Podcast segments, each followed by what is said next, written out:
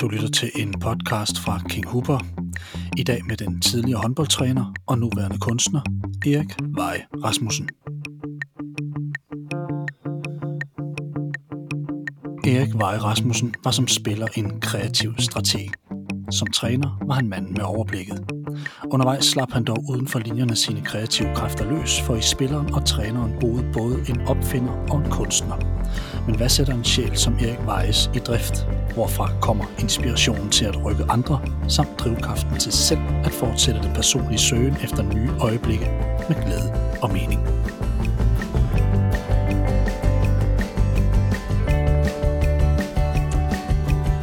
Erik Vej Rasmussen, velkommen her til en King Hooper podcast. Tak. Fra 1979, Erik, hvor du spillede med på højeste niveau i Helsingør, frem til 98, hvor du som spillende træner indstillede din aktive karriere, der var du en særlig klub- og landsholdsspiller, som jeg lagde enormt meget mærke til.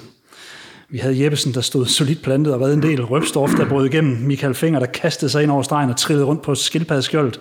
Og så var der dig, i min optik, en håndboldens Michael Laudrup med øje for fremtiden. Det hul, der om et splitsekund åbnede sig, hvorefter du fandt det, vi andre ikke så og så mobbede vi ellers bare.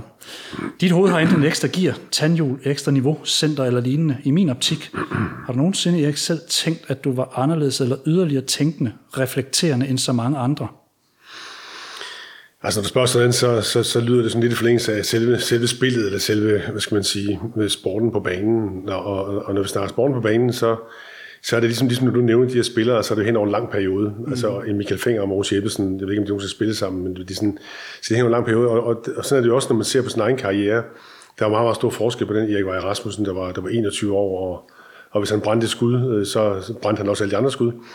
og så frem til, til en eller anden stabil øh, håndboldspiller som 28-årig, hvor, hvor jeg efterhånden havde fundet ud af, hvordan spillet skulle spilles, og, og kunne også hanke op i mig selv undervejs. Så, så, det, så det har været mange personer undervejs, så mange forskellige, øh, hvad skal man sige, kvaliteter og, og mange på samme. Ikke? Mm. Men altså efterhånden, som, som, som årene gik, øh, så tror jeg, at, at det, så fandt jeg efterhånden ud af strukturerne i spillet, og, og, og egentlig, når folk sagde, at jeg var øh, guddommelig til at se stregen, så tror jeg egentlig ikke, at det var så meget det. Det var mere, jeg havde fundet ud af, at han kommer løbende der, så lige om lidt skal jeg bare holde øje med ham, der står derovre. Så det var sådan mere måske lidt strategisk kunden, end det egentlig var sådan noget mm, et andet niveau, hvad angik andre ting. Mm. Og hvis vi bare sådan snakker det menneskelige i forhold til at tænke, reflektere og så videre, har du, har du sådan tænkt, at du var mere sensitiv, mere tænkende, mere... Øh, Jamen, det er sådan, at du vendte ting, det er sådan, mere tid end... Jamen, jeg sådan ser interview fra, jeg var 20, så var det virkelig et meget, meget umodent øh, barn ude fra, ude fra landet. Ikke? Når man kom fra Hørve, og, og på et tidspunkt, hvor der ikke var internet, der var en fjernsynskanal, ikke? Mm-hmm. så var der jo alligevel, øh, så, så havde man jo nogle andre vilkår end folk, der kom fra de store byer. Og derfor var det også et kulturschok for mig i, i starten, når jeg kom sammen med, det, med, med, med folk, der kom ind fra byerne, byerne af. Mm. Noget, der har fulgt mig gennem hele min håndboldkarriere, det har sådan været, at, at jeg ikke rigtig har set, øh, eller jeg, jeg har bestået af to mennesker. På den ene side håndboldspilleren, og på den anden side mig selv. Og det betyder også, at når folk kommer og fik en autograf, så var jeg egentlig ikke så stolt af det, for det ikke er noget med mig at gøre. Jeg, jeg serverede den, den, den håndboldspiller, som, som de nu kommer og konsulterede. Og så havde jeg mit eget liv ved siden af, øh, som menneske. Så du var ikke stolt af at give en autograf? Jo, det var jeg sikkert nok. Det, det har jeg jo sikkert nok været, men, men, men jeg havde også en, en, en kraftig adskillelse af, af de to personer. Håndboldspilleren og som mig selv. Hvorfor det? Kom det naturligt, eller var du bevidst om det? Fordi det... Mm, ja, jeg var slet ikke, slet ikke bevidst om det. Det var, det var, det var noget, der kom naturligt. Okay. Øhm, og jeg ved egentlig ikke, hvor det kom fra. Jeg egentlig kan godt ærge mig over det på et tidspunkt, ikke? Sådan, fordi altså, det, det betyder måske også, at jeg ikke nåede at nyde det så meget, som, som andre nød det. Øhm, men til gengæld så er det nok også ganske udmærket for min personlige udvikling. Ja. Ja, for der er meget opmærksomhed på, når man både er landsholdsspiller og succesfuld klubspiller, klubtræner osv. Det var der, det var der specielt dengang, ikke? Altså, hvor, hvor der var ikke nogen konkurrenter. Altså, ja. håndboldlandsholdet fyldte jo meget. Ja. Også fordi det var, det var jo ikke i, i konkurrence med Champions League hver, hver weekend. Nej, nej. Eller Messi nej. og Ronaldo osv. Så, så, så, så man havde jo sådan en særstatus på det tidspunkt. Ikke? Ja. Men hvis man så kigger på dit liv, og måske kigger ud over håndbolden, øh, håndbolden er selvfølgelig har, har været et omdrejningspunkt, men, men, men du har også haft gang i andre ting ved siden af. Altså har du altid været bevidst om, at dit kreative center var forholdsvis aktivt? Det er jo sådan en vulkan, der står og ulmer og bare venter hele tiden på at spytte ny idé op. Har jeg lidt på fornemmelsen. Nej, nej, altså... Øhm, jeg sad og lavede, jeg sad og lavede en CV i dag, for jeg skulle søge forskellige stillinger i forbindelse med vores konkurs. Øhm, så sad jeg og kiggede på det her CV, øh, og det er rigtigt, der er sket mange forskellige ting. Ja. Men, men sådan selve den kreative del er, er først kommet på et senere tidspunkt, altså hvor jeg, hvor jeg har været ældre. De første mange år, der var jeg jo håndboldspilleren, og så Ja. gik jeg, tog jeg så læreruddannelsen, så tog jeg øh, kant jord bagefter. Ja. Men, men det var så det. Ja. Øh, de, de sådan mere kreative elementer, de kom først senere. Og det er faktisk det, vi i dag kommer til at, at beskæftige os lidt med, ikke? jeg tænkt. Vi kommer til at kredse om din passion for at male i den her omgang. Du sidder hjemme i din stue og kigger på nogle meget, meget flotte værker. Jeg håber, det er dig. Jamen, jeg, jeg afleverede lige øh, en 6-7 værker i går, øh, så det jeg var der tilbage, det lavede jeg i, i går aftes.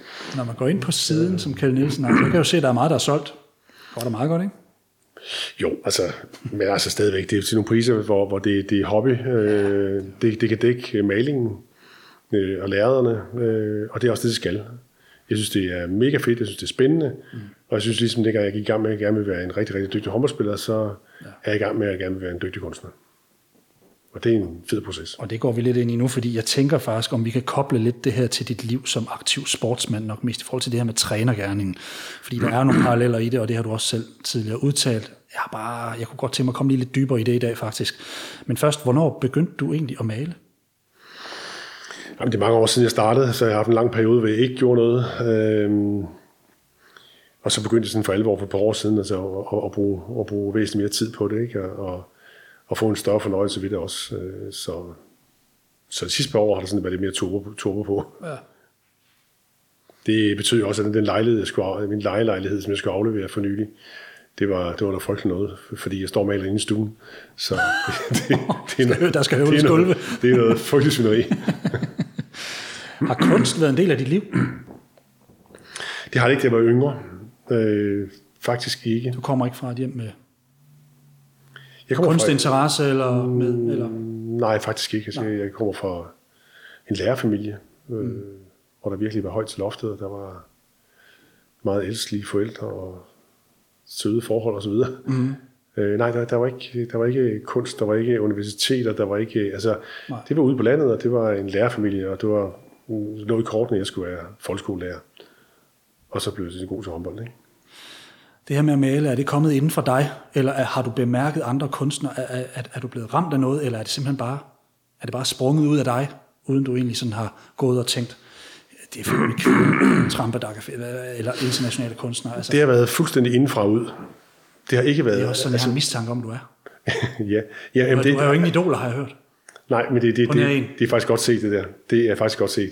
Fordi det, det, det er sådan, jeg er. Øh, det med at lave kopier af andre, eller, eller, altså det, det, det kommer indenfra, altså som sådan en, en, en bølge. Øh, så prøvede jeg at begynde at male, synes jeg, det var enormt fedt, synes jeg, det var enormt spændende. Og, og hele den proces med, især i starten, hvor man ikke rigtig ved, hvad der sker, man smører noget, noget maling på, mm. og så er det jo, det er jo, det er jo et, et, et, øh, Jamen, det er jo en, en vidunderlig øh, begivenhed. For hver eneste, hver eneste sekund sker der noget nyt. Der skal man prøve at kultivere en eller anden, der er opstået. Mm. Og det er jo sådan lidt ligesom, jeg kan huske, jeg læste en eller anden, eller hørte en podcast, øh, eller var det Netflix eller andet, men Olaf Ove Eliassen, Ja. som beskrev hans forhold til sin far. Hans far, han ville altid, han sad, og skulle lave kruseduller på papir. Mm. Og så han så lavede de kruseduller, og så skulle han prøve at finde en giraf ind i de her kruseduller. Eller en abekat og sådan noget er lidt ud fra, at kreativitet, det, det, det er sådan ikke nødvendigvis noget, der kommer ind fra ude. Det er også noget, der man finder derude et sted. Mm. Jeg har læst en biografi af filmskaberen David Lynch, som fortalte, at han som barn ikke måtte få malebøger. For hans mor var meget imod, at man skulle holde sig inden for de der streger. Det var en ting, som var, var hans familie meget imod i forhold til, at det faktisk var hæmmende, at der var de her færdige tegninger, og så skulle man holde sig indenfor. Og det var faktisk noget, der kunne knække sjælen. Og så skal jeg ellers love for, at han trådte speederen i bund på den. Det tror jeg, det, det, jamen, det, kan, det kan jeg altså godt følge. Ja. Det kan jeg virkelig godt følge. Kan du det? Ja, det kan jeg. Ja. Øh, der er jo ikke meget kreativ proces i at, at sidde og male sådan et, et felt. Nej. Blot. Men for nogen er der jo en nydelse i det. Jamen, selv, selv, Nydelse og kreativitet er vel ikke det samme, er det det? Jamen, altså, Ja, ja, det kan godt gå hånd i hånd, men, men det betyder, altså, det er vel ikke... Og det bliver, det bliver jo en, en, en, en spændende, meget lang snak, ikke? fordi det, det starter med, øh, hvad har vi nydelse ved? Øh, nogle har en, en nydelse ved at sætte remouladen og mayonnaisen og, og leverpostejnen på række ind i køleskabet, og så fører det ro. Ikke? Der er også nogen, der har det bedst, hvis det hele det sejler. Ja. Øh, det er ligesom, jeg, jeg selv har det. Jeg har, det, jeg har mest ro i en storby. Ja. Når jeg skulle skrive en øh, bog, så, så sidder jeg helst på torvet med tusind mennesker rundt om, der render rundt. Så, så finder jeg den ro, jeg skal bruge til fordybelse. Øh, andre mennesker har det bedst i et sommerhus ude i vandet. Mm. Så det er meget, meget forskelligt, hvad det er, der, der giver os ro. Og der er der ingen tvivl om, at det at holde sig inden for nogle felter, det, det kan da for, for nogen være øh, det optimale. Øh, øh, men mens det for nogen som mig nok ikke ligefrem er noget, der, der fylder os med glæde. Nej. Nej, det jeg tænker er bare, at, at man måske sådan, i forhold til børneopdragelse jo godt kan, man vil jo gerne dyrke den her nydelse og afslappning, og det, det, det er jo sådan noget med, med højt tempo på i vores normale liv, så snakker vi, så snakker vi tit om det her med at komme ned i gear. Og nogle gange så er det måske også, når vi er lidt oppe i gear, og at det kreative center måske også netop får næring. Jeg synes tit, det er noget med at, det er noget med at falde ned og, og gøre ting, der, der beroliger os på en eller anden måde. Ja, sådan kan jeg godt nogle gange øh, Jamen, altså, men, men, mennesker er jo, altså for, for, altså for det første, når vi snakker børneopdragelse, ikke? Ja. børneopdragelse er jo, er jo mange ting. For nogen, der handler det om, om at, at, at indskrænke og at give en retning og sørge for, at barnet opfører sig, som, som man kunne tænke sig det. Øh, så er vi andre, som mener, at børneopdragelse er mere noget med at holde sin mund og lade tingene ske, og så øh, først gribe ind, når først, at, at, at man render helt ud over Ja. øh, siderne. Så det er jo en, altså børneopdragelse er, er jo en, en, en, en lang diskussion, ikke? Jeg har det sådan grundlæggende selv. Altså, jeg, jeg hader rammer. Øh, jeg elsker øh, øh, kaos. Øh, og det, det kan jo ikke undre så meget, når, når, når jeg er et, et meget kreativt menneske på mange områder. Til gengæld så har jeg også oplevet, at, at for eksempel i forbindelse med mit Fitlight, altså det, det er det her træningssystem, som ja. består af nogle lamper, ikke? Mm-hmm. Øh, at det er faktisk nemmest at være kreativ, hvis man har en ramme at være det indenfor. Der kan man sige, når jeg går i gang med et billede, som, som nu øh, vi kan se, men som lytterne ikke kan se, mm. derovre, ikke? så kan man sige, øh, der er også en ramme, det er fordi tanken var fra starten, at det skulle være sådan noget landskab, der skulle være sådan noget, noget dybde i billedet, ikke? Ja. og så efterhånden, så oven på det, øh, knadrede så en masse abstrakt øh, ind over det. Så altså, det er ikke nemt at være abstrakt, ligesom at skrive en, skrive en stil, og der er ikke nogen grænser for emner. Det er langt vanskeligere, end hvis du får at vide, at du skal en stil om din sommerferie.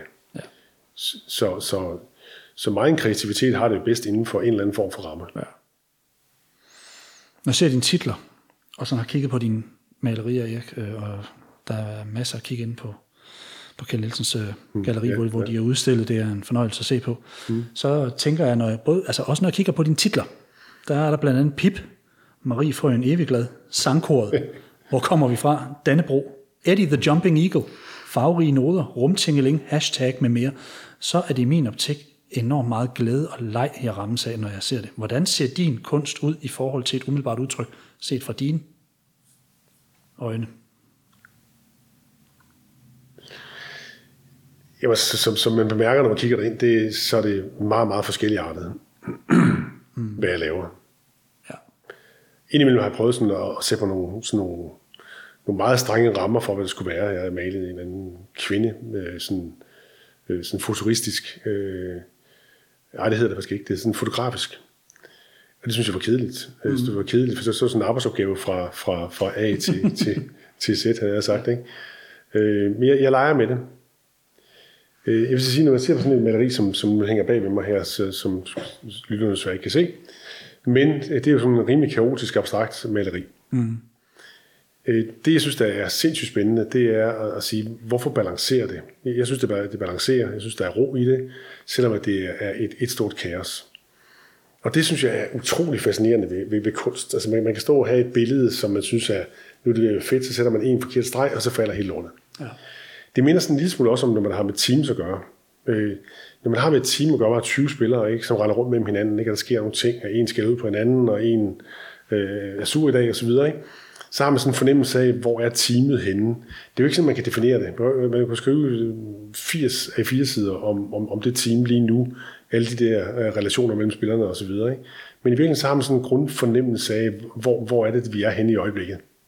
Og det er meget det samme, når man laver abstrakt maleri. Det er sådan en samlet fornemmelse. Men når du står med det her hold, så har du nogle elementer, der nogle gange ikke helt vil spille sammen med dig, eller som i hvert fald kan udfordre dig på en eller anden måde. Det kan det så love dig, at det kan det her også. Jamen det er nemlig det, jeg skulle til at spørge dig om. Altså, kan du nogle gange føle, at tingene også er ude af dine hænder, når du står med sådan noget som det her? Fordi du kan have alle mulige planer, du kan have tanker, og noget sker også via intuition.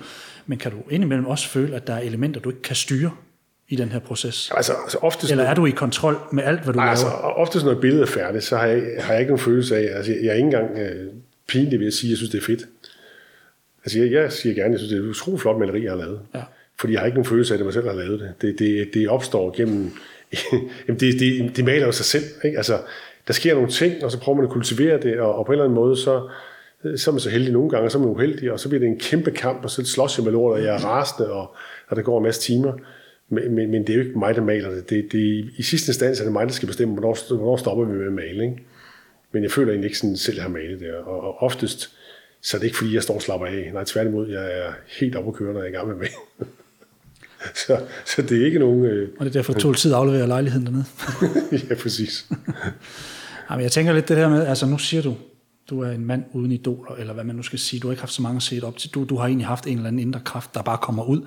Der er noget, der, der, der bare ligesom må ud. Ja. Næsten før du når at opdage ting omkring dig, du egentlig kan nå at blive inspireret af. Ja. Det er vel også kun en mand uden idoler, der på den måde kan sige, det er ikke mig, der har malet det her. Fordi vi, altså, vi står rigtig meget på skuldrene af det, vi ser. Vi vil rigtig gerne, unge basketspillere vil være Steph Curry, fodboldspillere vil være Messi, musikere vil både, altså, der, der er jo, og også inden for kunsten, at man, man, man måske har lyst til at, eller i hvert fald bliver man præget. Det er meget, meget få, der sådan siger, det som du siger, jeg har ikke som sådan nogen, jeg på den måde er blevet betaget af, eller er blevet inspireret af. Nej, altså lige op, jeg er er fuldstændig vild med, øh, men det, det, det, det er så ikke på den måde idol, men Ulla Terkelsen, hende kan jeg falde fuldstændig på røven over. øh, og så havde jeg Jesper Juhl. Det, det bliver du nødt til at forklare nærmere. Og, og så, så havde Jesper Juhl, som skrev Det kompetente barn. Ja, det ved jeg, ja. Det er faktisk en bog, som jeg har gjort for vane at give til mine spillere. Når de får et barn, så får de Jesper Juhls øh, Det kompetente barn. ja. Jeg ved ikke, om de læser det. Det er mere i tvivl om. Men, men Og du er ikke bange for, at den bliver overfortolket, og de øh, laver curlingbørn? altså, jeg, jeg, synes, det var så synd for Jesper Juhl, at han... han Ja, øh, det er faktisk lidt. Ja. Ja. Han blev meget misforstået, synes jeg. Men, men Øh, det, det har, man har i hvert fald sagt, at han blev misforstået. Jeg synes, det er det mest geniale, han har skrevet. Jeg sad og jublede øh, hver eneste sætning, jeg, ja. jeg læste fra ham dengang. Mm. Desværre er han nu afgået ved døden. ja. Sådan går det. Når jeg kigger på dine, øh, kigger på dine malerier, så, så altså, specielt sprang værket Pip i øjnene for mig.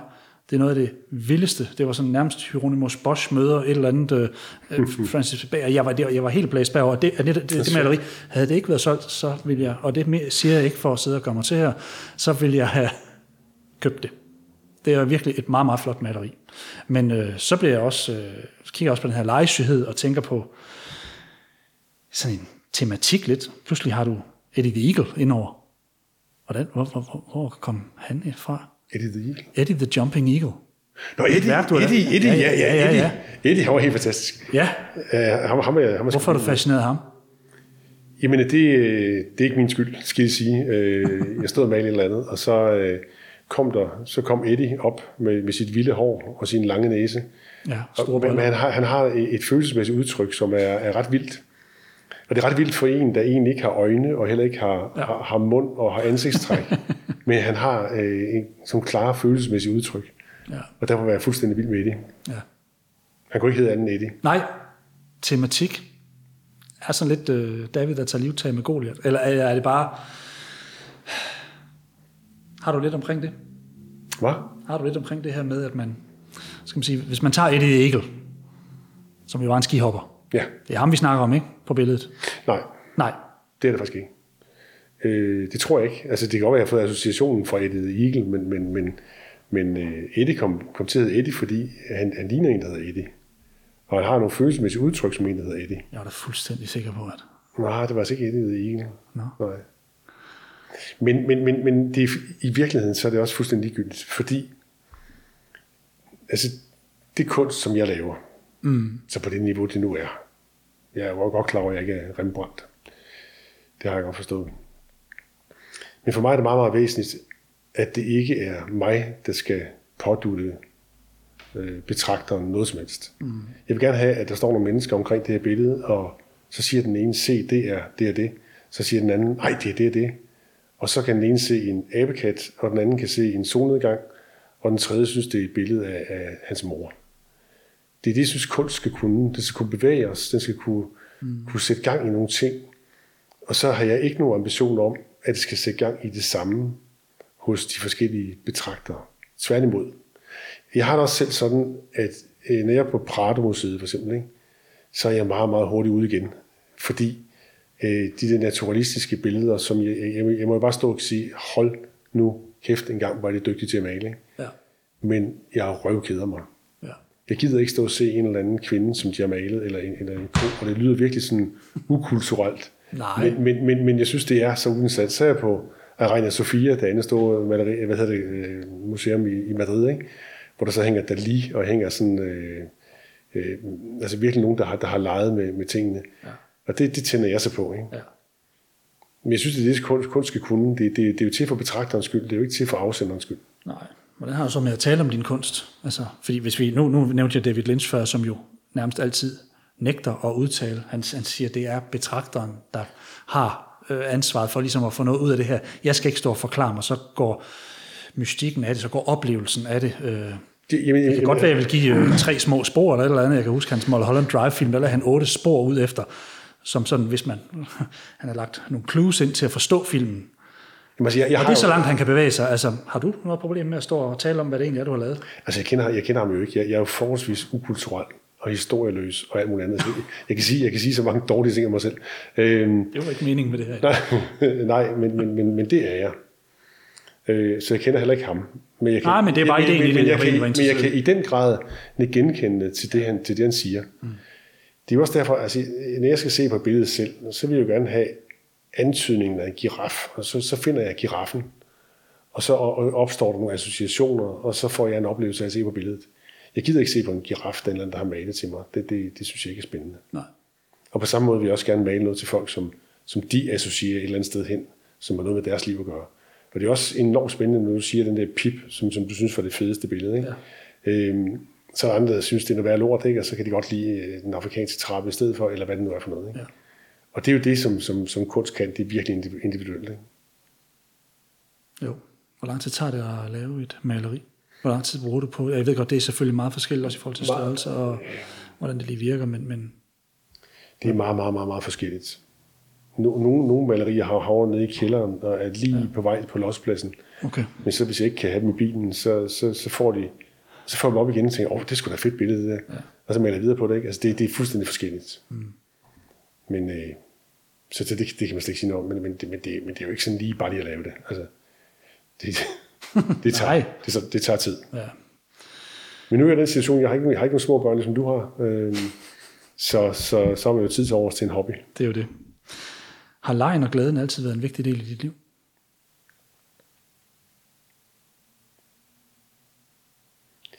Ja, altså jeg, jeg er jo grundlæggende et, et pjathoved. Altså jeg har jo svært ved at være seriøs ret, ret lang tid i gangen. Øh, der kommer altid sådan noget, om det er så fordi jeg er ADHD eller hvad det er, det ved jeg ikke, men, men, men, men der kommer altid sådan, dels forfølger jeg altid associationer, det vil sige sidder vi til et møde, så, så, øh, så kan jeg ikke lade være med at rende ud af nogle tangenter. Det er, det svært ved sådan at blive inden for rammen i lang tid. Fordi så keder jeg mig gevaldigt. Jeg har hele tiden sådan et grundlæggende problem med kedsomhed. Øh, Det er godt nok. hvad? Det er jo godt nok. Ja, det ved jeg ikke, om det er. Min, min datter tog mig faktisk i hånden en gang, da jeg ude i Rigskov. Vi havde en lille hund. Og så sagde hun, så far, nu skal vi ud og prøve at øve os. Så skulle jeg gå tur med hunden, og så skulle jeg sige alle de der forudsigelige ting til de mennesker, der jeg mødte, som også havde en hund, og spørge, hvad, hvad deres race så var for en, og hvordan, hvordan klarer du pelsen? og Det, så det gjorde ondt. det, det, det gjorde vir- virkelig ondt, ja.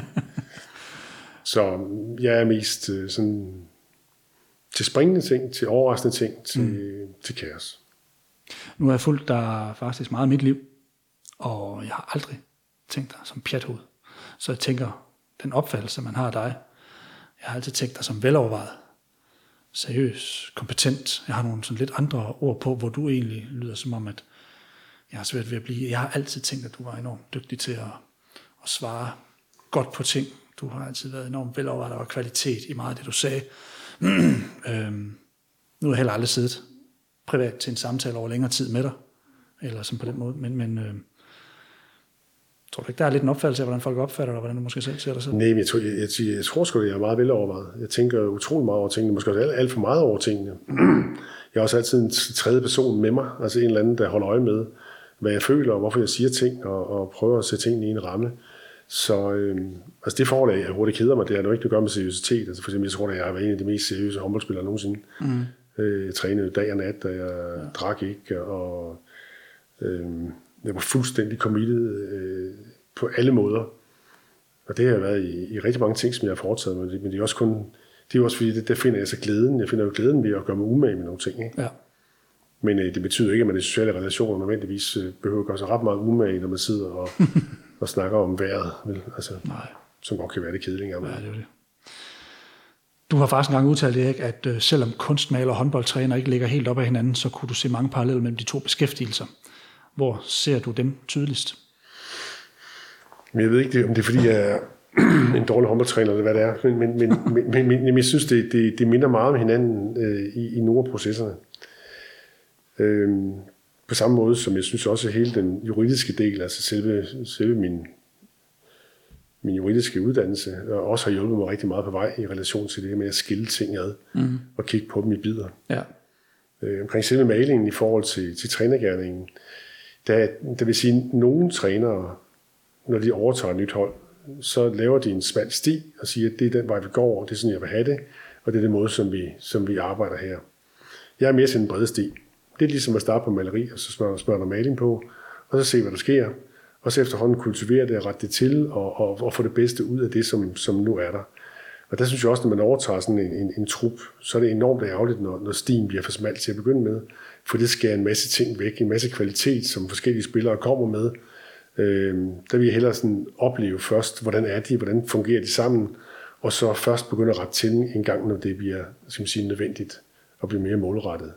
Og det er jo lidt samme i forhold til børn. Ikke? Altså, hvad, hvad er det, vi skal med vores børn? Skal de, skal de rettes til? Altså er opdragelse noget med, at man, altså skal man øh, øh være der et eller andet, som ikke er, som far må kunne tænke sig det, så skal de sige det, og så skal barnet rette ind. Eller skal man hellere lade børnene få, øh, have, have den respekt, der ligger i, at de, at de har deres eget liv, at de kan træffe nogle beslutninger selv, og så på et eller andet tidspunkt hjælpe dem, når de kommer ud til rammerne, øh, der hvor, hvor, hvor den voksne også skal tage ansvaret. Så uanset hvad vi foretager os, om det er børn, det er billeder, det, det, det er håndbold, så er det, har det noget med sådan nogle grundlæggende filosofier at gøre omkring, øh, øh, hvordan man, man hvordan man retter ting til, hvordan man kommer frem mod et, et mål. Mm. Jeg tænker, der må have været mange spillere, der også indimellem har haft det svært med en meget bred sti fra start. Der må være nogen, der synes, det var lidt angstprovokerende, hvor man godt ville have det snævret lidt ind. Det er måske ikke ja, så slemt. det, det, det, kan sagtens ske. Men, men nogle gange skal man jo ikke give folk det, som de, som de nu umiddelbart nej, nej. gerne selv vil have. Fordi en, en stor del, når jeg har haft meget, meget med unge spillere at gøre, så har en stor del af, af mit arbejde også bestået i at, at på en eller anden måde få givet dem modet, øh, selvtilliden, troen på, at de, at de selv er vigtige. Mm. Altså jeg kan huske, at Schweiz for eksempel, det var, det var rigtig skægt, der, der bestod en del af mine opgaver i at afdisciplinere dem. Fordi schweiziske spillere, de var bare sådan, jeg her træner, vi går op, som du siger. Og der gjorde jeg rigtig, rigtig meget ud af at få dem til at blive, nogle, blive flabet og frække og, og gøre mm. noget andet, end det jeg sagde. For, for at få nogle stærke øh, mennesker ud af det mm på områdbanen. Og det er jo lidt samme med børn, ikke? Altså, når vi starter børneopdragelse. Det er det med, at du kan sagtens rette barn sådan til, men i sidste instans, så hvis du gerne vil have et barn, der har sin egen etik, så bliver du nødt til også at slippe det løs, og så få chancen for at danne sin egen etik, i stedet for at etik er noget, som man har, når den voksne er til stede, og så må jeg heller gøre, hvad farmor siger. Nå jo, men, men ovenover det, der ligger der også et eller andet begreb, der hedder samme eksistens. Så det er jo sådan en kunst at kunne jonglere de her bolde, hvor man skal kunne være, man skal kunne se sig selv som en del af en sammenhæng. Skal man ikke det? Altså, men, altså, altså, du, du er ikke ude i, at man bare giver fri? Jamen, jeg er slet ikke, jeg er slet, slet ikke til laissez faire. Nej, nej, det er heller ikke det, jeg mener. Nå. En, ja. Altså, altså uanset om det er sådan en flok håndboldspillere, eller, eller, eller det er en flok børn, mm. så er der jo sådan nogle grundlæggende steder, hvor man skal være til stede som leder. Mm. Jeg tror, det er den rigtige, den rigtige måde at gøre det på, det er at forsvinde, når der ikke er behov for lederen. Ja. Og så være til stede, når der er behov for dem. Mm. Og der kan man sige, hvor der, så, hvor der så er behov for dem. Det er der for eksempel, hvis nu det ene barn begynder at, at angribe det andet barn. Ikke? Altså, ja. det vil sige, at han, han fylder mere og mere, og der er ikke plads til de andre. Det er samme på et håndboldhold. Ikke? der kan man sige, at man får den totale frihed, men, men kun inden for den ramme, som, som vores målrettighed, men og også gruppen som sådan kan bære. Og det, det hedder noget, der hedder finger, fingerspidsgefylde, det tror jeg faktisk, jeg har relativt meget af. Mm. Jeg tror, jeg er god til at fornemme, øh, hvor meget folk de må fylde, og i det hele taget give folk fri, og så trække toget ind i det omfang, det er nødvendigt. Men handler det ikke også om det her med at kvalificere netop det, du har talt om på et tidspunkt, at et håndboldangreb næsten altid bliver sat op på den samme måde, i form af nogle systemer, og det går tit lidt i vasken, og så ender det alligevel med en eller anden intuitiv beslutning til sidst. Mm. Øhm, når du står og maler, mm. så er der masser af intuitive ting. Det samme, når du skal styre et håndboldhold, og når du skal frisætte nogle energier på sådan et håndboldhold. Er, du ikke, øh, er det ikke noget af det, du også leder lidt efter? At kunne opkvalificere og frigive dine spillers tro på, at når systemerne ligesom er er råd eller, eller ramme. Jo, jo, jo, jo men, at, men, at, men, men det er en kæmpe proces. Ja. Øh, fordi, fordi rigtig mange spillere, især når man kommer under pres, så ønsker man så kun én ting i verden, og det er, at træneren siger, hvad man skal gøre. Altså når man, er, når man er ung i hvert fald også. Altså, ældre spillere, rutinerede spillere, de vil hellere bede træner om at lukke røven. Ikke? Mm. Øh, men hvad hedder det? Men, men, de unge spillere, de, de vil allerhelst have, sig hvad skal gøre, træner. Mm. Problemet det er, at når man så gør det, altså det vil sige, når man følger den sti, så, så udvikler det sig bare ikke hurtigt nok. Så det vil sige, en, en, en, del, en del af det her med at få en spiller, som, som er i stand til selv at tage ansvar, er i stand til selv at analysere osv., osv. det er også at sætte ham, sætte ham fri i et større omfang, end det han egentlig har lyst til. Mm. Så kan du sige, hvis vi, hvis vi kravler over til, til, til, til, til, til maleriet, ikke? Jamen, så er det jo sådan, at når man, når man står og maler, så når, når man hælder maling på sådan et lærred, så, så er det, altså hvis ikke man direkte går efter at lave noget fotografisk, så, så ved man jo ikke hele tiden, hvad der sker. Så en del af det består også i at lade tingene ske, og så, åh, oh, der kom lige en dybde der, åh, oh, der kom lige en farvesammensætning der, som var fed, ikke? og så videre. Det vil sige, holde øje med, hvad der sker, og så være i stand til at, at, at kultivere det, eller holde fingrene fra det. Og reagere på, eller også det, man ser. Altså. Ja, ja, ja, præcis. Ikke? Ja. Gør du noget for at komme i den tilstand, både som træner og som maler? Eller falder det der fuldstændig naturligt? Har du øvet dig i det? Det, det, det, jeg ved det ikke. Øh, men det sjove er, at, at, at, at når jeg maler, så, så øh, en ting, jeg bliver god til, det er at gå baglæns i hvert fald. Fordi, fordi der, der kommer en eller to streger, ikke? Og, så, og så går jeg baglæns, så går jeg fire meter væk fra maleriet, for at få et billede af, hvad skete der der. Ja. Den proces, når man står og ser på sådan maleri, skal prøve at finde ud af, hvad der egentlig skete. Den er fuldstændig magen til den, som jeg lærte gennem biofeedback, da jeg var 21 år gammel, og gik til biofeedback for at blive bedre til at koncentrere mig i håndbold. Det gik ud på, at øh, der var en, der var en mand, der henvendte sig til mig. Han havde set, at jeg var meget svingende i mit håndboldspil. Og så, øh, så lavede han noget, der hedder biofeedback med mig. Det fik nogle elektroder på ansigtet. Og så når jeg slappede fuldstændig af i fasciatis, sådan øh, og kom i, i det, man kalder en alfa-tilstand, så begyndte sådan en panfløjte musik at spille. Og hver gang jeg havde den mindste muskelspænding i ansigtet, så stoppede musikken. Og det vil sige, at jeg lærte det, det der hedder en afslappet fokusering, altså hvor man er i en, i en tunnel og slapper fuldstændig af, og blikket egentlig også er sådan lidt tomt, mm. eller sådan åbent. Det er faktisk det, lige præcis det, jeg gør, når jeg går tilbage, når jeg maler. Så går jeg tilbage og får den der afslappede fokusering, så kan du pludselig se helheden, i stedet for at du står og holder øje med detaljer i stedet for. Og det, det, er, fuldstændig, det er fuldstændig nødvendigt, fordi ellers, ellers kan du ikke se, øh, hvad sker der med helheden. Og det der med den der fokusering, der, den vender vi lige lidt tilbage til lidt senere, men, men øh, den synes jeg faktisk er meget spændende. Det her med at arbejde med både mennesker og billeder, det kan jo nemt reduceres til, at man gerne vil udvikle på udtrykket. Få det bedste ud af det, man står foran. Har din trænerkarriere hjulpet dig i dit strukturerede samt kreative arbejde med eksempelvis at male? Jeg, jeg tror, jeg, jeg tror at, at alt det, man laver, bliver til en del. Altså når, når, når man maler, så tror jeg, at så kommer der elementer fra, fra psykologien, der kommer elementer fra ens, øh, fra, fra mit jura, kan man sige. Ikke? Mm. Der kommer helt sikkert også elementer fra, fra håndbolden, teams og alt muligt andet. Ikke? Vi, er jo, vi er jo en sammensætning af de oplevelser, vi har haft i vores liv, sammen med noget DNA. Ikke? Så, så alt spiller ind på alt, tror jeg. Så kan man pille sådan enkelt ting ud, og så, og så bliver det jo sådan, så begynder man at søge efter det og sige, okay, selve det at ville det her, det vil sige gå så benhårdt efter at få et billede til at virke, ikke? selvom man har haft lyst til at kaste ud af vinduet 35 gange undervejs. Ikke? Ja. Har det noget med ligesom, det samme som topidrætten, altså hvor man, hvor man prøver at perfektionere på noget og virkelig gøre det hele hjertet? Det kan man jo godt tro på. Men, men jeg tror bare ikke, vi ved det. Jeg ved ikke, om det, om det kommer derfra, eller, eller, eller om det bare kommer et helt andet sted fra. Vi ved jo ikke, hvad, hvad er tillært, og hvad er øh, vores oprindelige. DNA. Men ja, det, det, jeg godt vil lidt ind på, det er, hvad der sker undervejs i sådan noget som en, det kunne være en trænergæring, fordi jeg, jeg har for nylig læst en bog af Haruki Murakami, der hedder Hvad jeg taler om, når jeg taler om at løbe. I den her fremragende bog, der fortæller en japansk forfatter om, hvad det giver ham at løbe, nemlig både inspiration samt den fornødne vedholdenhed, når en roman trækker tænder ud. Han er også forfatter samtidig. Han udtaler, jeg ved ikke, om det giver nogen særlig mening at løbe 100 km alene, men som en handling, der afviger væsentligt fra det normale, og dog alligevel er såre menneskelig, kan det føre til en særlig bevidsthedsmæssig erkendelse. Den kan altså tilføre den enkelte selvforståelse nye elementer, hvilket kan resultere i, at den enkelte liv, enkeltes liv skifter både farve, form i større eller mindre grad på godt og på ondt. Den slags forandringer oplevede jeg i hvert fald.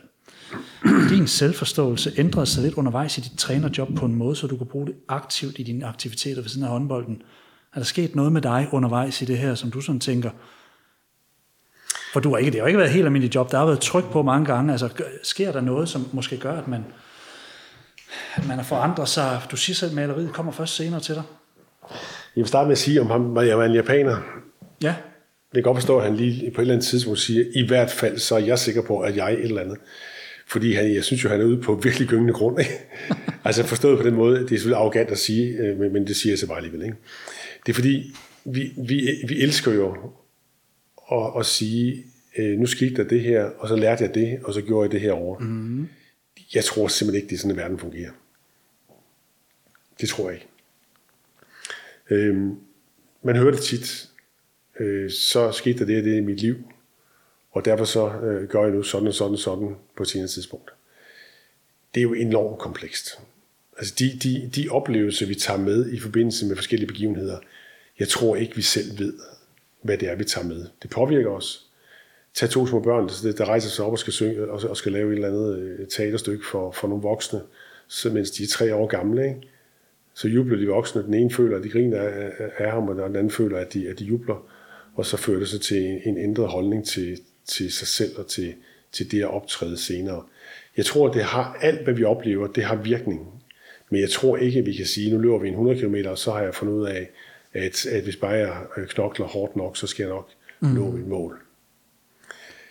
Min trænergærning, den, den er selvfølgelig præget af, at, at jeg jo hele tiden har lært. Jeg havde fordelen af, at jeg startede som spindetræner. Og spindetræner, det er en, det er en meget speciel disciplin. Ja. Altså rent faktisk, så, så plejer jeg at udholde som ledelsesforedrag, så plejer jeg gerne at underholde med, med, med, med at, at da jeg var spændende træner, så stillede jeg mig altid foran holdet til at starte med. Også nede i St. Gallen, kan jeg huske, øh, da jeg var dernede og var fem år. Og så sagde jeg til at starte med, tusind tak fordi I må komme, jeg er glad for, at klubben har ansat mig, jeg glæder mig til at arbejde sammen med jer, men nu skal I bare høre, min præstation står aldrig nogensinde til diskussion. Der er ingen, der skal kommentere på min præstation som spiller. Og det plejer vi så at underholde os meget med, fordi det er jo sådan meget modsat alt muligt andet teori omkring ledelse. Men det var fordi, at, at nu var jeg så i en situation, hvor hvis nu jeg spillede dårligt, hvilket aldrig er sket, men lad os forestille os situationen, at jeg brændte, at jeg brændte skud. Ikke? Øhm, så, så, så, vil det hold, hvis jeg brændte tre skud inden for de første 10 minutter, så er de jo ingen træner. Hvis det var sådan, at jeg så ikke kunne gå, gå over til en anden og begynde at rette på ham, fordi så man bare sige, hvad med dig selv? Ikke? Ja. Så det vil sige, under den, under den forudsætning, spilletræner et eller andet sted, der var det nødvendigt at lave sådan et terrorregime, der hed, jeg bestemmer alt, lad os bare holde jeres kæft. Ja. Så gik det over til at være, til at være almindelig træner i Flensborg. Så kommer der helt andre ting ind, når nu man ikke længere skal beskytte sin egen spillemæssige del. Ja. Så kommer der andre ting ind. Nu, nu er man der pludselig for spillerne. Så er det klart, så bliver det meget mere demokratisk. Det, pludselig kan man udveksle, pludselig kan man, kan man være meget mere for, for folk. Og den er så igen også spørgsmål om, hvor tryg man er. Det er klart, at den leder, som ikke er tryg, har svært ved at, at slippe tøjlerne, og har svært ved sådan at lade det være sådan lidt øh, pjat op til dem selv, og bla bla bla. Ikke? Øh, så, så er man nødt til at holde, holde tøjlerne meget, meget stramt. Så i forskellige epoker har jeg jo haft behov for at være autoritær træner, andre epoker, og lade være med at være, være træner i princippet, trække mig væk, hvis jeg har haft et hold, der spillede bedst, og der selv havde gamle spillere, som kunne øh, øh hedder det, rette tingene til inde på banen. Ikke? Så, så jeg tror, jeg har været mange, jeg har været mange forskellige trænere, afhængig af, hvad for nogle hold jeg har trænet. Mm. Men jeg tænker lidt om, ikke man kan have nogle oplevelser en gang imellem, som giver en et kig i forhold til, at man så måske ikke tænker, nu blev jeg sådan, eller nu ændrede jeg mig, men at man faktisk måske også kan træffe beslutning om noget, man gerne vil begynde at dyrke noget mere. Det er jo måske det, jeg fik ud af det her. Jamen, det, er- altså, det er jo klart succes. Øh, øh, altså, når, når man har succes med noget, jamen, så, øh, så agerer man jo mere selvsikkert. Ikke? Øh, tager man sådan en ting som trænergærningen, ikke? så kan man sige, selve det at foretage nogle modige taktiske træk, det, det er man jo mere tilbøjelig til, hvis, man, hvis det kører godt, og, ja. og man i øvrigt sidder sikkert i sadlen. Man ved, at spillerne stoler på ens øh, faglige kunde, så er man jo mere tilbøjelig til det, end hvis man er i en situation, hvor det går helvede til, og, og man kan mærke, at der begynder at komme uro i krogene, og, og spillerne er sure, og bestyrelsen er sur, så er det ikke der, man foretager de allermest modige hvad hedder det, dispositioner. Men. Mm. Jeg havde faktisk en spændende fase nede i Flensborg, hvor jeg ved at fyret det fjerde år, tror jeg det var. Øh, Jeg hørte, at de spurgte ude i marken, ude i marken om, om, om, om der, de begyndte at lede efter en træner. Vi var kun nummer fire, og, der, hvad hedder det, fans, der var tosset med dem, træneren var en venimeister. Og så oplevede jeg også, øh, så, så gjorde jeg faktisk det, at jeg begyndte at studere mig selv. For jeg læste i en bog, at når man er ved at falde, så har man en enestående lejlighed til at studere faldelovene. Og der, der begyndte jeg at kigge på mig selv og fandt ud af, at jeg faktisk begyndte at disponere ud fra, hvad jeg forventede, at fansene gerne ville have, eller at bestyrelsen gerne ville have. Mm. Og det er nok noget, mange, mange mennesker kan genkende til også på en arbejdsplads. Hvis presset er for hårdt ovenfra, så begynder man at gøre det, som man har en forventning om, at ledelsen synes. Problemet er bare som træner, at man er en kunstner, og, man, og i det øjeblik, man begynder at gøre det, som andre forventer af en, jamen, så mister man jo fuldstændig det, som, som egentlig er grunden til, at man er ansat, nemlig fordi man, man kan lidt mere end den gennemsnitlige. Ja, jeg tænker lidt på det her, du siger med, at man... Må jeg lige sige en ting til det, inden jeg glemmer det Ja, faktisk? ja, meget. fordi jeg diskuterer med, øh, med Kjeld, fordi øh, når man nu, nu er det jo sådan på hobbyniveau, mit maleri, ikke? Mm. Øh, men, men aller- allerede der, så kan man jo godt komme derhen, hvor man tænker, okay, øh, andre synes, at den type billeder er flotte, eller øh, der er noget med den farvesammensætning, eller sådan lidt figurativt, og sådan noget. Men samme, det, det er sådan lidt samme. Ikke? Øh, Det første, du begynder sådan at indrette din maleri efter, hvad du tror, andre mennesker kan lide, mm. så mister du sindssygt meget. Ikke? Og det er noget, som jeg virkelig skal, skal holde, holde fast i, at jeg maler for mig selv. Jeg skal altså ikke til, til at male, fordi jeg opdager, at nogen ja. synes, det er federe og gerne vil købe et eller andet, der- der har en bestemt afskygning. Og det jo faktisk det, jeg vil ind på, det der med, har du prøvet inden for maleriet, det her med både at play it safe og satse hele butikken? Eller er du bare, smider du hele butikken hver gang, går du all in? Øh, hvis jeg ikke tvinger mig selv, hvis jeg, hvis jeg ikke er opmærksom på mig selv, så kan jeg hurtigt blive sådan lidt øh, safe et eller andet. Øh, men jeg ved også, at det bliver elendigt. Altså, jeg, jeg skal gå all in hver gang. Og jeg skal udfordre det. Og det, og det, det mest spændende, det er faktisk det, der, det, der hedder Kill Your Darlings. Ja. Øh, de fleste har oplevet det, når de skriver et eller andet, ikke, så har de fundet en, et godt afsnit, sådan en, en god sætning, en god, godt billede, som de har siddet og skrevet. Ikke? Altså efterhånden finder de ud af, at det passer fandme ikke ind i resten af bogen, ikke, men som man er ved at skrive. Mm. Men man holder fast i den, fordi, fordi man synes lige, det er så fedt det der. Ikke? Mm. Det er sådan, når man står og maler, så maler man et eller andet, så det er fucking fedt det her. Ikke? Altså så gode farvesammensætninger, et eller andet, ikke også? Men man, kan godt, men, men man kan godt begynde at mærke, det ødelægger det hele, fordi du kan aldrig sådan få en sammenhæng ud af det her. Og det er jeg så blevet god til, at, at tvære noget over, som jeg holder rigtig meget af, og så bare se for det væk. Fordi det er umuligt at lave et samlet billede, hvis man begynder at stå og holde fast ved en eller anden darling, som man lige synes er, er sådan en fed lille øh, appendix. Og der vil jeg så også sige, det er også noget over i trænergærningen, som jeg har oplevet gang på gang på gang. Det her med, at man, når man får et eller andet billede af en spiller, øh, og, man, og man tror rigtig meget på ham og så videre, ikke? Øh, s- så man er tilbøjelig til at fortsætte med at tro på ham, og man, han, han spiller i helvede til, og man fortsætter med at tro på ham, men vi ved, og det, det er også noget, som jeg virkelig skal tage mig sammen for ikke at gøre. Altså det vil sige, så indse dog, at det er noget lort, og så se få sat en anden mand ind og få ham væk. Og der er det her med håndbold, der er altid en ny kamp. Og i maleriet kan du altid smøre lortet over. jamen, jamen præcis, men, men, men, men den der med Kill, Kill Your Darlings, Ja. det er det samme som, når man har nogle succesopskrifter selv, eller man har nogle bestemte vinkler til. Jeg, jeg gør rigtig, rigtig meget ud af mig selv i hele mit liv, og stille spørgsmålstegn ved mig selv hele tiden.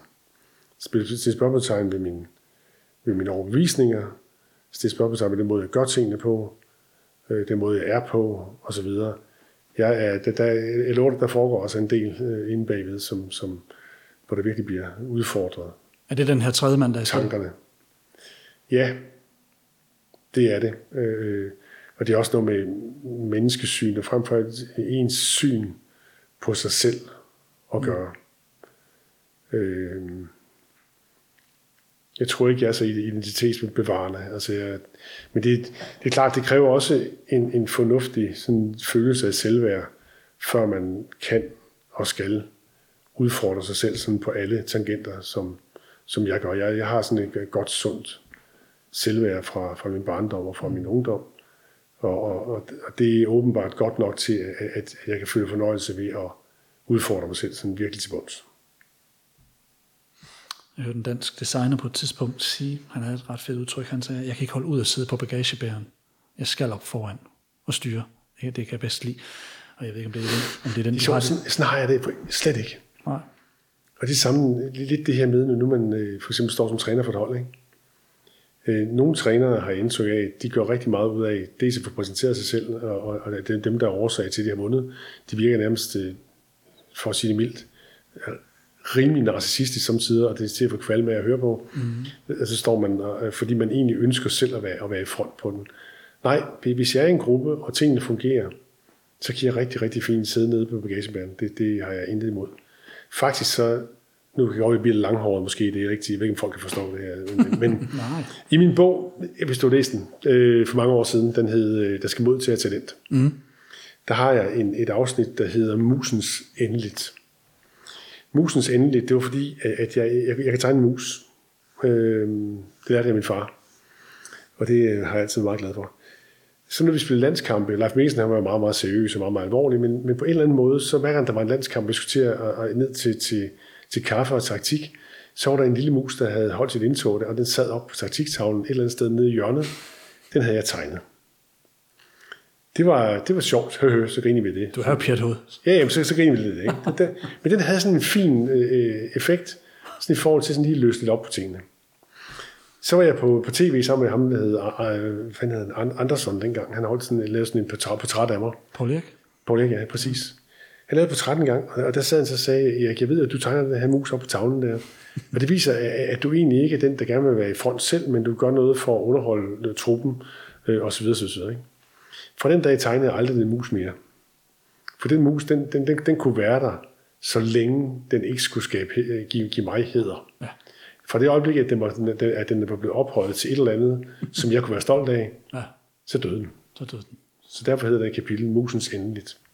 Nej, jeg, jeg, jeg sidder fint på bagagebæren, hvis jeg har en følelse af, at det går i en rigtig retning. Til gengæld, hvis jeg ikke har autoriteten eller, eller, eller stjernerne på skulderen, så er jeg også anarkistisk nok til, hvis ikke det går en rigtig vej, så bryder jeg også med, med, med, med systemerne. Jeg tror, det her det handlede meget om at være en modtager eller være en bidrager. man kan edderbukken godt nok være en dygtig bidrager samtidig ved ikke at gøre noget. Det ved jeg godt. Og lade andre komme til. Og det, det tror jeg samtidig kan være det største bidrag. Men, men, det, men det er ikke sikkert, at det føles så godt indvendigt. Nej, det er måske rigtigt. I forhold til den her fingerspidsgefyld, du, du, du nævner, som, som er en af de ting, som du med dit store selvværd trods alt siger, det mener du, du har. Der tænker jeg, at sport kan ofte blive kædet sammen med resultater, målsætninger, sejre, nederlag og alt det her. Det kan blive sådan meget sort-hvidt for os seere. Og så er der bare alt det her arbejde, der får, foregår bagom i løbet af en uge. Øhm, det er vel enormt sensitivt arbejde, hvor der skal lægges mærke til mange ting i en stor spillertrup. Man bliver vel efter, man, altså hvis man har talentet for det, dygtig til at mærke efter i forhold til rigtig, rigtig mange ting. Ikke? Øhm, det er vel også et element, der spiller en stor rolle, når man bliver inspireret til at skulle udtrykke sig på et lade.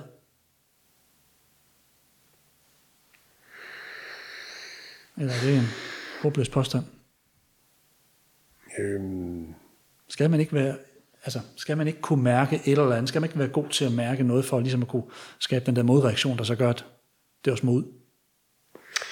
Altså, jeg synes, jeg synes når, man, når man snakker sensitivitet og, og, og trænergærningen og de her spillere, så synes jeg, det er meget væsentligt at holde fast i, at, at rigtig, rigtig mange ting af det, man laver som træner, det er forkert. Mm. Det er urimeligt. Øh, der foregår så mange ting i sådan, i sådan en håndboldhal, ikke?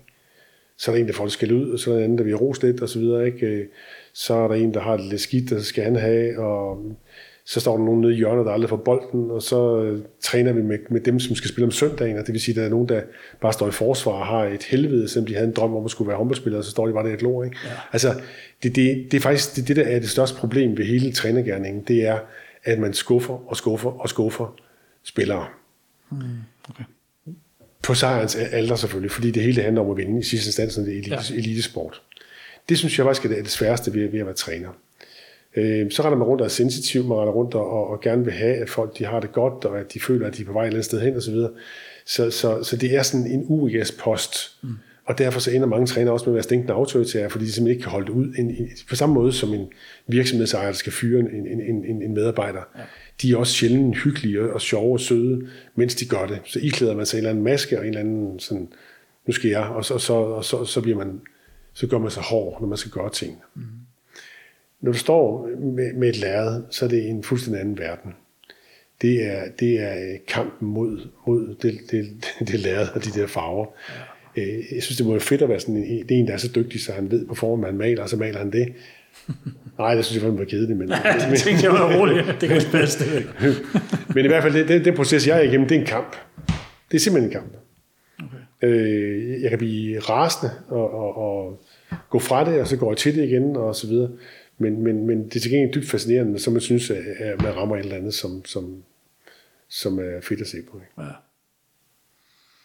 Men der er jeg også bare, der er bare sådan en mennesketype, at hvis jeg så har med et billede, som jeg synes er virkelig fedt, og nu er det færdigt, så starter jeg på et andet lærred. Så er jeg allerede tilbage, jeg synes, jeg er den største klovn i hele verden, fordi det, fordi det så ikke virker. Jeg, jeg er, det, det, det er dårligst til i hele verden, det er til at fejre sejrene. Og det, det, det, vi, ja, det vi ønske, at jeg engang lærer det. Det kan jeg ikke. Jamen, det kan så lede ind til det næste her, fordi altså, i, i, i, sådan en proces her, så har du generelt gennem mange år forvaltet det her med at udvikle på andres kompetencer.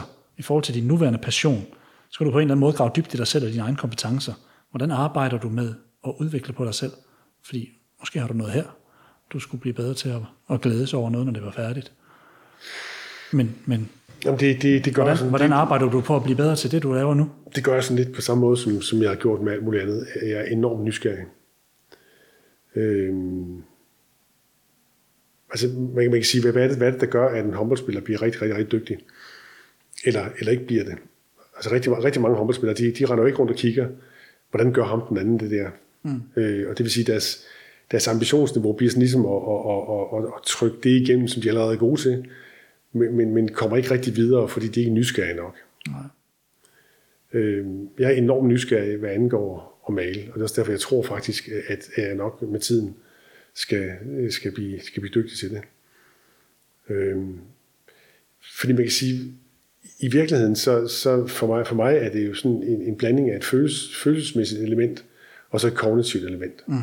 Det ene det er sådan rent følelsesmæssigt, man står og maler, og så ser man noget, og sådan kreativt, og bla, bla, bla. Men, men meget af det er også kognitivt, på den måde, at, at, at, at jeg så forholder mig til, okay, øh, det billede, hvad var der så, der var galt? Øh, når du ser på Asger Jorn, hvad er det, han kan? Ja. Hvad er det, han gør for at lave et, et fedt billede? Ikke? Øh, så, så, så, så meget af det er også en, en kognitiv proces, hvor jeg egentlig prøver at sætte en masse nye rammer op. Ikke? Så, så, så finder jeg et billede af en gammel mand, og så prøver jeg at male ham. Og det fede det er, at jeg kan ikke, jeg kan ikke male ham, men til gengæld så kommer der noget endnu federe ud af det. En, en anden mand. Altså, ja. Og det er sådan, mit liv det er. Jeg kan huske, jeg var på La Santa Sport en gang sammen med Claus Blem, min tidligere hvad hedder det, øhm, holdleder. Nej, undskyld, øh, sportschef. Og vi spillede i, øh, hver dag spillede vi darts og billiards om, hvem skulle betale middagen. Mm. Og jeg vandt alle gangene. Han betalte samtlige middagsmåltider. Fordi jeg fandt ud af i dart, at jeg var så dårlig til at spille dart, at jeg bare skulle kaste efter noget andet, end det, vi ramme. For jeg ramte aldrig nogensinde, for eksempel 20'eren, så hvis jeg kastede efter et eller andet sted for, så ramte det rent faktisk 20'eren, fordi jeg var så upræcis. Og det er sådan lidt, det er sådan, lidt sådan, sådan jeg også arbejder med, med, med, med mange andre ting. Ikke håndbold, vel? jo, altså når du skal udvikle på unge spillere, så er det tit sådan en vej rundt om den lige vej. Den lige vej giver Prøv at gå imod det, man egentlig... Som, altså. Jamen, jamen når du øver, så øver du et eller andet, så er der en spiller, der, der ikke kan lave en finte. Så kan du godt lade ham finde, finde, finde, finde, men han bliver ikke bedre til det. Han fortsætter bare med at, at øve sig i at være dårlig. Mm. Eller et hopskud, eller manglende rotation i et skud, eller et eller andet. Ikke? Så derfor så er det meget tit med at finde en vej rundt om, og finde ud af, hvad er det egentlig, han skal gøre nu, for at komme frem til den der aha-oplevelse, som man har den dag, hvor motorikken lige pludselig spiller sammen. Ja. Øh, og så kan man, kan man mærke det. Øhm, Kan man træne det? Ja, til, til dels, men, men kan man som, rigtig som, god... Altså, som træner? øh, nej, altså som, som, som, som spiller. Altså, jeg synes også, jeg har set det udtale sted, der, der, der er bare nogen, der er bare rigtig gode mm. til... Altså, du, har- jeg kan huske, du nævnte på et tidspunkt, jeg tror, det var Bo Spillerberg og øh, hvad Jesper Nødsbo, ja. deres samarbejde, hvor du sagde det der med Spillerbergs evne til sådan at holde den til det sidste sekund. Altså, nogle af de der sådan spidskompetencer der, det er jo... Jamen, lige- så, så, sådan noget er vel svært, og Ja, lige præcis det spiller, spiller han kunne det, og det, det, det var der ikke rigtig næsten andre, eller der var ikke ret andre, der kunne. Det var han fuldstændig sublim til. Ja. Men, men, men når vi sådan arbejder med de unge spillere, så kan det være noget andet. Så kan det være, fordi han har et, et dårligt hopskud. Mm. Så skal jeg prøve at finde ud af, hvordan pokker får vi givet ham et godt hopskud. ja, Og så, så tager jeg mit kamera, og så filmer jeg, og så prøver jeg at finde ud af, okay, nu sammenligner vi med en anden en, som har et rigtig godt hopskud. Ja. Hvad fanden er der vejen? Okay, så kan det fordi han, han, hans ene ben, han ikke spirter op bagud. Det kan være, at hans, hans ben bliver holdt for langt fremme. Det kan være, at han roterer for tidligt i forhold til hans, hans arm. Det kan være, at armen er for lav. Nogle, nogle af dem trækker armen op foran kroppen, i stedet for at trække armen bagud i, i, i en rotation. Det er sådan nogle ting, som de ikke har opdaget de der 15 år, de er gået til håndbold. Og så tager vi kameraet, og så prøver vi så at finde ud af, okay, det er det og det, du går galt. Ja. Og så prøver vi så på det, og samtidig så rammer det lige i skabet med det samme. Andre gange skal man rundt om en hel masse ting, før at, han kan ramme en bevægelse, som han rent faktisk øh, skal bruge. Så jeg synes jo, at hele tilværelsen, det handler jo om at holde op med at tro på, at øh, den egenskab har jeg fået derfra, og hvis bare vi gør sådan, så sker der det. Det er jo ofte sådan en, en, en, en vej rundt om tingene, hvor vi kigger på dem på forskellige videre øh, vinkler, mm. og så frem for alt går jeg, meget, går jeg meget ind for sådan en induktive måde at undervise i, det vil sige, prøv. ja. Ret en lille smule til. Øh, prøv igen. Øh, den synes jeg mange gange fungerer bedre end den deduktive, hvor man sådan kommer med det færdige produkt og siger, ja. nu skal du bare se, bare gøre sådan der.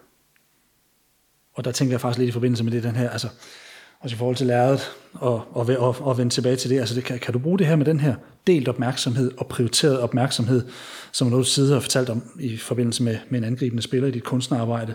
Når idéer eller muligheder i maleriet lukker til, kommer løsningerne så lige så nemt til dig, som du sådan indimellem, altså begynder det at tegne sig nogle systemer, som du sagde, du blev dygtig til systemer. Du, og, Nej, jeg tror, eller- eller- nej, jeg tror faktisk mere, jeg tror faktisk mere det, det, det skal jeg huske. Jeg, jeg har sådan en bog, der hedder Tænk Stort. Den har jeg sådan de sidste 10 år, så tager jeg den frem som tider. Og der står også nogle fede slogans i. Mm. Det er sådan noget, jeg bliver for begrænset i min, i min tænkning. Så, så, så sidder jeg lige og bladrer i den. Jeg elsker jo at gå på biblioteket og købe, og, og så låne øh, for eksempel otte bøger mm. om psykiatri, psykologi og alt muligt. Og så læse måske fem sider i hver. Altså sådan, Ja. læse rundt omkring. Det er enormt, Præcis. enormt, enormt inspirerende. Ikke? Det kan jeg godt. I, I stedet for at læse fra... Det kender du godt selv. Ja, ja, ja, jeg plukker. Ja, ja, ja. Helt sindssygt. Ja og det er, det er også spændende, at man ikke engang finder ud af, hvad rigtig sammenhængen er, men det, men det giver nogle association, associationer i retning eller andet. Ja. Altså, jeg synes, øh, for, for maleriets vedkommende, der, der, der, der er der noget, der hedder, at det er nemmere at, at uh, forandre, end at forbedre. Og det er sådan et også med et håndboldhold. Ja. Hvis man har et håndboldhold, der sidder fast, så er det bedre at lave nogle store ændringer, sådan fuldstændig anderledes. Så falder man lige pludselig, så sker der noget. Så så sidder man ikke fast i begrænsningerne fra i går. Så, øh, så kører man på en ny platform, og pludselig retter tingene sig til. Sammen med et maleri. Man kan stå med et eller andet, og man kan bare ikke komme ud af det, fordi det, det på den måde sidder det fast. Mm. Så, er, så er det fedt at vende på hovedet eventuelt, og så, og så prøve at starte forfra, eller, eller, eller et eller andet andet, ja. sådan radikalt, hvor man så forandrer fuldstændig, inden man går videre. Fordi det er det med at rette til og rette til og rette til, det kan man gøre i ugevis, uden der sker en skid. Du tit taler om, du ønsker at skrive en bog, sådan lidt omkring, for hvis skyld gør jeg det. Hmm, ja. Øhm, Jeg skal have 120 sider med at få rodet så meget, så jeg ikke kan få en bog, det er desværre. den synes jeg, du skal prøve at lige kigge på igen. Prøv at vende den på hovedet. er det noget, du sådan har tænkt over dit nye virke, kontra det, du netop for en stund har afsluttet? Altså, for hvis skyld Ja, nu- har du nu- gjort de her Ej, men ting? nu- Jeg ved godt, at man... Nu vil jeg starte med at sige, at jeg ved ikke, hvad mit nye virke bliver. Jeg ved simpelthen ikke. Nej, men det virker, jeg snakker nu, om at man... Ja, okay, fordi jeg, jeg har ligesom 17 år lige nu. Jeg ved ikke, hvad jeg skal være, når jeg bliver stor. Men, men, men, men jeg, skal helt, se- jeg skal helt sikkert have en hobby, der hedder, der hedder maleriet. Ja. Øhm, nej, altså jeg vil sige, om, omkring selve, selve kunsten, der, der ved jeg lige præcis, at det er for min egen skyld. Øh, det er Det er 100%, for jeg synes, det er mega fedt. Jeg synes, processen er fuldstændig fantastisk. Hvis ikke der er nogen, der køber mine, køber mine billeder, så vil jeg male dem alligevel, hvis jeg har råd til det. Øhm, og så vil jeg bare stå og fylde op inde i, inde i soveværelset. Øhm, det vil ikke ændre noget på det. Men jeg har også set dig sige, at du faktisk også er stolt, når folk køber det. At jeg er stolt, når folk køber det. Ja, Det tror jeg altså, jeg må være. et miscitat. Det var et miscitat, eller også må jeg have været Det er beruset. ligegyldigt. Er du stolt over Eller også må jeg, eller også må jeg have været beruset, da, da jeg sagde det. eller skidefuld. af maling? Øh, nej, nej jeg, jeg vil faktisk sige, jeg har det, jeg har det sådan, øh, jamen det, det, det er virkelig mærkeligt. Øh, jeg vil ikke sige, at jeg flår, men jeg synes, det er en meget, meget øh, sådan, det er meget ømt. Jeg har en datter, der danser hiphop i USA, og øh, har det som arbejde. Vi har simpelthen diskuteret forskellen på at, at, at danse foran et publikum og så spille håndbold. Når man, øh, når man danser, så er det meget sårbart. Så stiller man sig frem og siger, prøv at se, nu skal jeg lave en performance. Ja. Kunne I lide den? Mm. Sådan er der også at male billedet. Det er, maler billedet. Det er Så længe, så længe står i sove, i soveværelset, så er det okay. Men med det samme, det kommer ud, så er det sårbart. Ja. Det er virkelig, virkelig, virkelig sårbart. Mm. Som håndboldspiller, det er noget af det nemmeste i verden. Du går ind og spiller en kamp mod et andet hold. Er der så tilfældigvis nogen, der har valgt at gå ind og se kampen, det, det, det, det, det, det, det er ikke dit problem. Så det er ikke en performance på samme måde, øh, som er øm. Men det synes jeg, det, synes jeg, det er. Når ens, Performance over for kamp. Eller? Ja, Jamen, det er bare en kamp. Altså, altså en håndboldkamp, det er, jo, det er jo, nu skal vi se, hvem er der er bedst. Nu spiller vi mod skærn, ikke? Og så kappes vi om at vinde over, over skærn. Det er, en, det er en håndboldkamp. Det er jo ikke ligesom at stå på en scene og udtrykke et eller andet ekspressivt, og så, og så, og så skal folk tage stilling til, om de kan lide det eller ej. Nej. Det er noget helt andet. Så, så jeg synes, øh, det at, at, at stå frem med et billede og sige, se det billede, jeg har malet, det synes jeg er meget, meget, meget, det, det er et meget sårbart øjeblik, øjeblik for mig. Det kan jeg godt følge. Ja. Og, det, og, jeg, og, det, og jeg undrer mig over, at jeg stadigvæk i en alder af 62 nærmest kan blive rød i hovedet og, få- og få det lidt skidt over og høre, at en eller anden synes, det er flot. Men sådan har jeg det. Har du det svært med ros? Jeg er... Er det igen det med sejren jeg og, tror, og hurtigt nej, videre? nej, jeg tror, jeg er verdens dårligste til at modtage ros. Jeg er også verdens dårligste til at modtage tak. Jeg kan simpelthen ikke holde det ud. Og mine børn, de, de, de, de ved det godt, de griner af mig. Og nogle gange så siger de bare tak, bare for at drille mig. Jeg kan sige, jeg kan ikke have det.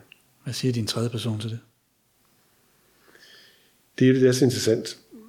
Man kan godt rende rundt med en tredje person, som gør en effektiv i forhold til interpersonelle situationer. Men den tredje person er og bliver en del af dig selv. Så en, en, en, en installeret tredje person i form af en vagthund bliver aldrig nogensinde til en tredje person for alvor. Nej. Den kan holde øje med det, men det er altid en del af dig selv, også med de begrænsninger, som ligger. Det er også derfor, at vi kan aldrig nogensinde blive objektive, objektive i forhold til os selv, hvor gerne vi end vil.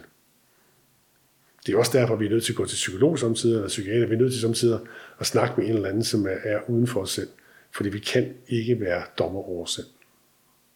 Hvad er det så, du søger i øh, samspil med andre mennesker? Rigtig mange søger jo anerkendelse, kærlighed.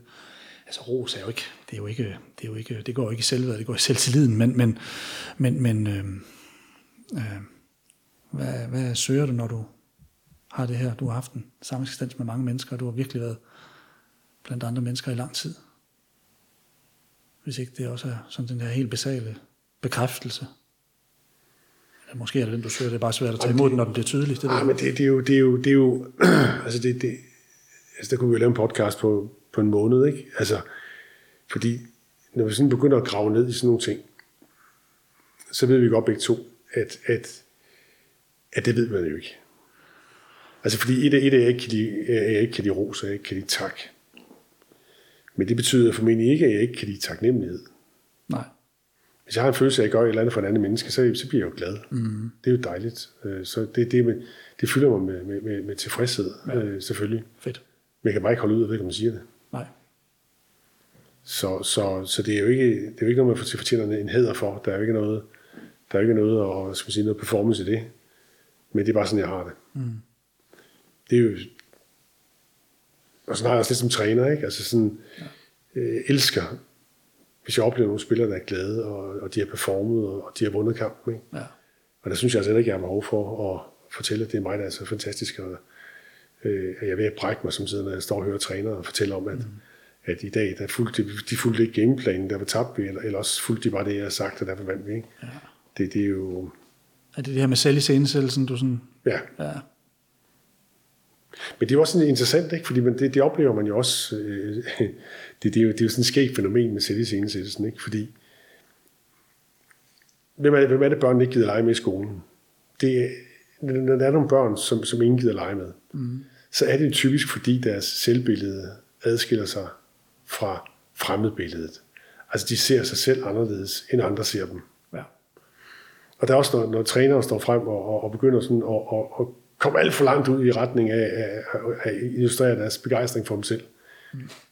så er alle jo ved at, at, at fnatte ud.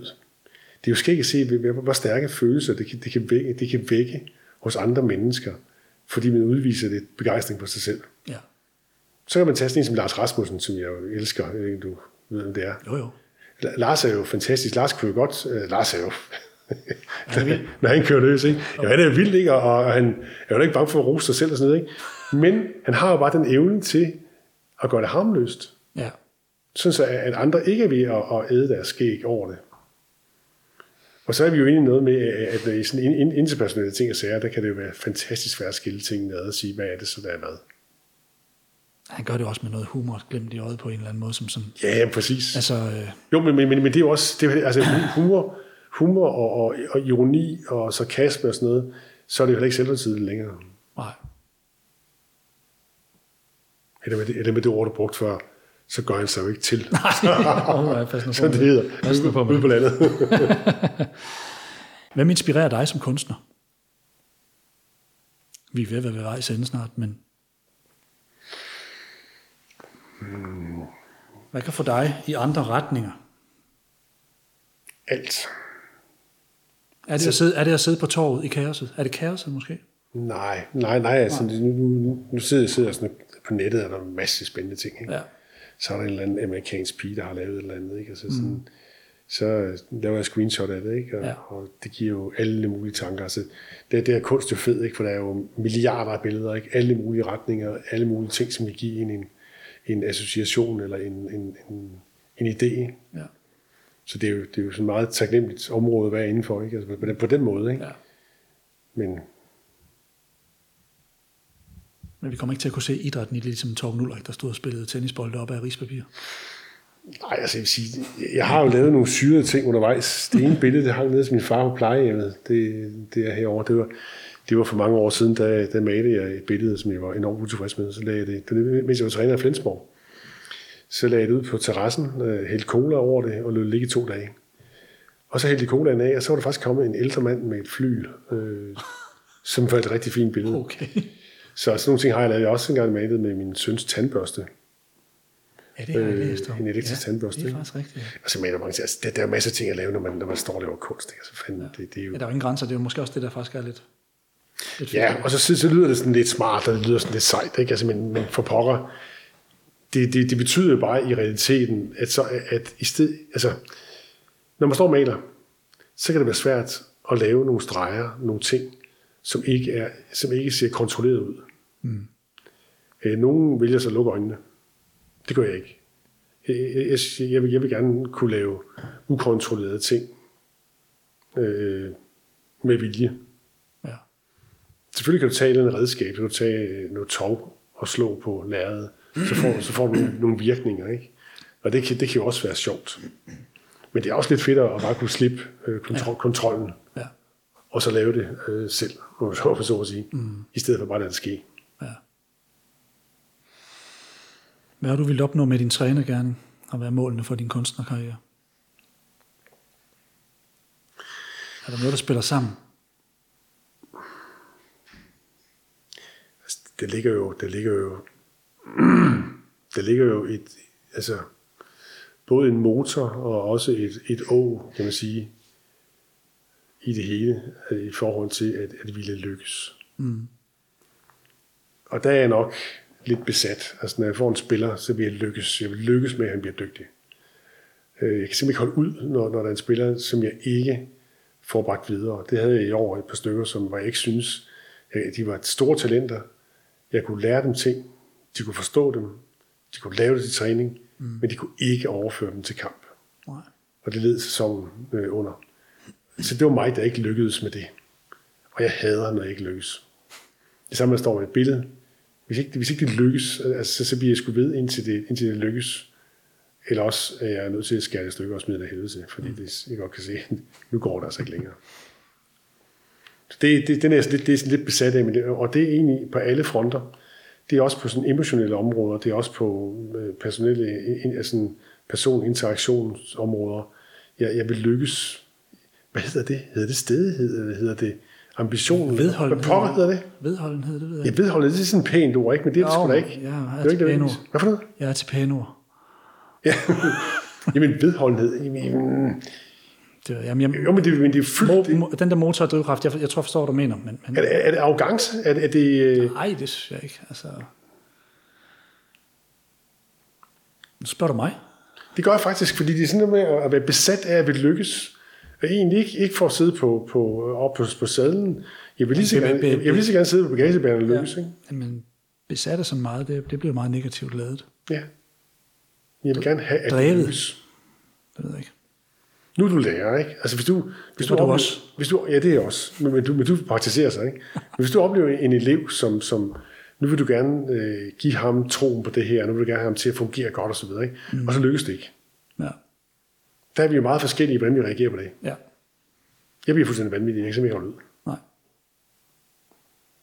Og nogle gange så skal man jo bare slippe det, fordi, fordi man kan også, fordi det i virkeligheden, altså det er lidt ligesom, når man samtidig, det er meget sjovt som, som håndboldtræner, så øver man et system. Man har lavet et system, så øver man det. Så går det i hegnet. Det lykkes ikke. Så øver man det mere. Så bliver det endnu værre.